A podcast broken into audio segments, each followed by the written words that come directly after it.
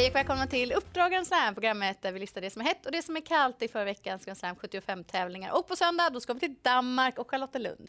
En bana som skiljer sig lite gentemot våra svenska 1000 metersbanor. Den här mäter 950 meter, men upploppet är rätt så normalt. Det mäter 200 meter. Och så tar vi oss till veckans snackisar och vi börjar med den första som är håll koll på spåren när det gäller autostart. Ja, det här är viktigt för på Charlottenlund då är det endast sex hästar med framspår bakom bilen över kort och lång distans. Och den här omgången så handlar det om avdelning 2 och 6. Dessutom är det svårt att få en bra start från de innersta spåren.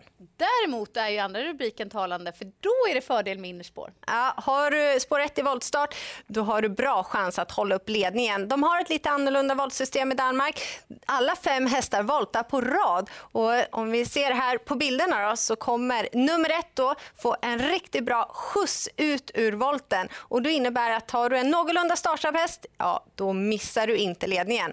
Se här, det blir som full gas när man väl vänder upp. Ja, verkligen gynnsamt. Och den sista rubriken lyder de kommer från alla håll. Vi har flera nationaliteter på plats. Såklart har vi flera danska och svenska ekipage, men de kommer även från Holland och Tyskland, vilket ger en skön mix på hela omgången. Och då har ni koll på förutsättningarna och vi går vidare i programmet. Här kommer veckans heta. Vi börjar i den första avdelningen med nummer 6 Candle TT som visat fin form på slutet och blivit allt mer stabil. Motståndsmässigt ser det bättre ut på pappret också. Hon har varit ute i tuffa gäng här på slutet och bland annat mött fyraåriga talangen Fair Day. Gynnas nu av att bara möta ston och hon har ett bra spår i volten. Dessutom så tror jag att hon besitter såväl styrkan som modet för att göra lite jobb ut på slutrundan. Hon är en av de som ska ses med högst vinstchans i loppet. Och om jag säger förlorar aldrig felfri, vad säger du då? Då säger jag nummer sju, Grumbaskini i den fjärde avdelningen. För det ser verkligen bra ut på pappret för hans del. Han hade fått en träningsperiod inför V75-starten i lördags på Bjerke. Och, eh, han kom inte in i loppet då han hade spår 12 över kort distans. Men såg bra ut i skymundan bakom vinnande Missai. Så tätare starter, lopp i kroppen. Det enda som oroar är ju voltstart. För det var ett bra tag sedan. Men jag tycker han har sett stabil ut. Det är få hästar med i loppet så jag tror att man kan ta en lugn start från början och då är han bäst. Och I den femte avdelningen så hittar vi fyra Gladnock som bara vinner och vinner. Det syns ju verkligen att han har rätt inställning till jobbet. Han tar li lite extra när upploppet kommer. Han är van att eh, tävla på lång distans, han är van att tävla i voltstart. Så det är lite annorlunda förutsättningar den här gången. Men han har tidigare visat att han även kan öppna rätt så bra bakom bilen. Och de borde väl ha lite respekt för honom, konkurrenterna. Dessutom ska han tävla barfota bak den här gången. Den balans han inte brukar använda sig av allt för ofta.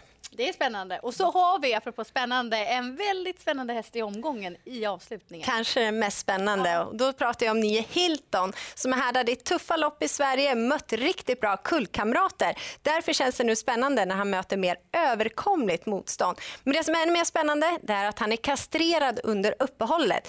Jeppe Hjul tycker att det märks skillnad på honom. Han har gått några riktigt bra jobb inför den här starten. Så jag och Jeppe, vi är väldigt optimistiska. Det låter bra det. Nu ska vi lyssna till veckans profil och det är Peter Untersteiner som uttalar sig om stallets trio inför söndagens start.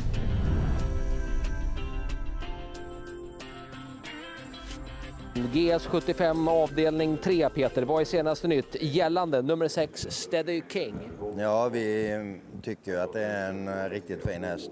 Men haft lite problem med han här på hösten och nu tränar han okej. Okay, men vi vet inte riktigt vad vi har han.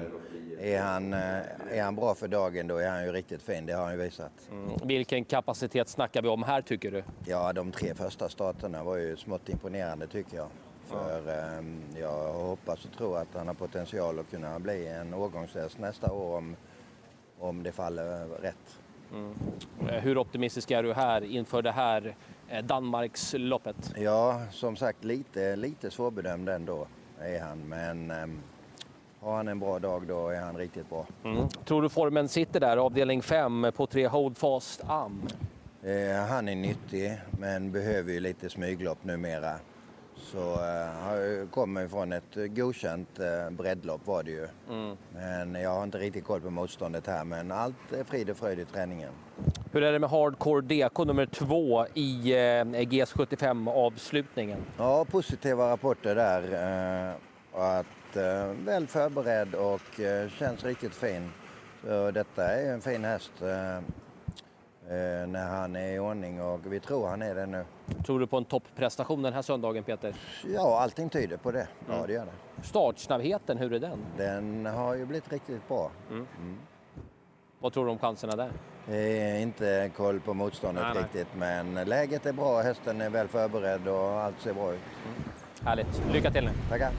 Och vi tackar för det som vanligt. Bra utförlig information från Peter Untersteiner. Jag ska vi lyfta en så är det ju den tredje avdelningen nummer 6, Steady King, som är en plusvariant om vi ska använda Peter Untersteiners ord. Han är ju väldigt, väldigt bra. Men galoppen senast oroar ju lite. Innan hade han säkerheten själv och sen var det väl inget riktigt klartecken vi fick. Så även om han är tidig, tänkbar första häst i loppet så vågar jag inte gå på honom. Jag litar inte fullt ut på honom. Men fungerar han, ja då är han väldigt svårslagen. Mm, det finns ju som sagt mycket kapacitet i den fina killen. Nu går vi vidare i programmet. Här kommer veckans kalla.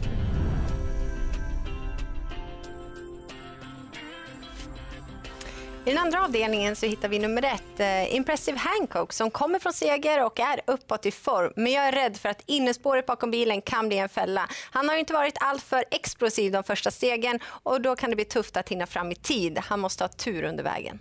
Och går vi till avslutningen så är 12 High Five väldigt kapabel och håller fin segerprocent. Men det är tufft med spår 12 på Charlottenlund. Jag tror inte han är hästen nog för att göra allt jobb på egen hand. Så därav rankar jag ner honom. Dags att runda av programmet och vi får lyfta fram varsin häst vi tror lite extra på. Ja, men det är avslutningen såklart, nummer nio, Hilton. Jättespännande att se honom som vallack och han har tränat väldigt bra inför det här. Och när det gäller att få lite högre odds då är min vinnare nummer 6 Candle TT i den första avdelningen. Hon är bra. Mm, en svensk, en dansk, får se om vi får en tysk och en holländsk också då. Ja, vi får se vad som händer på söndag. Häng med oss. Grand Slam 75 startar 15.00.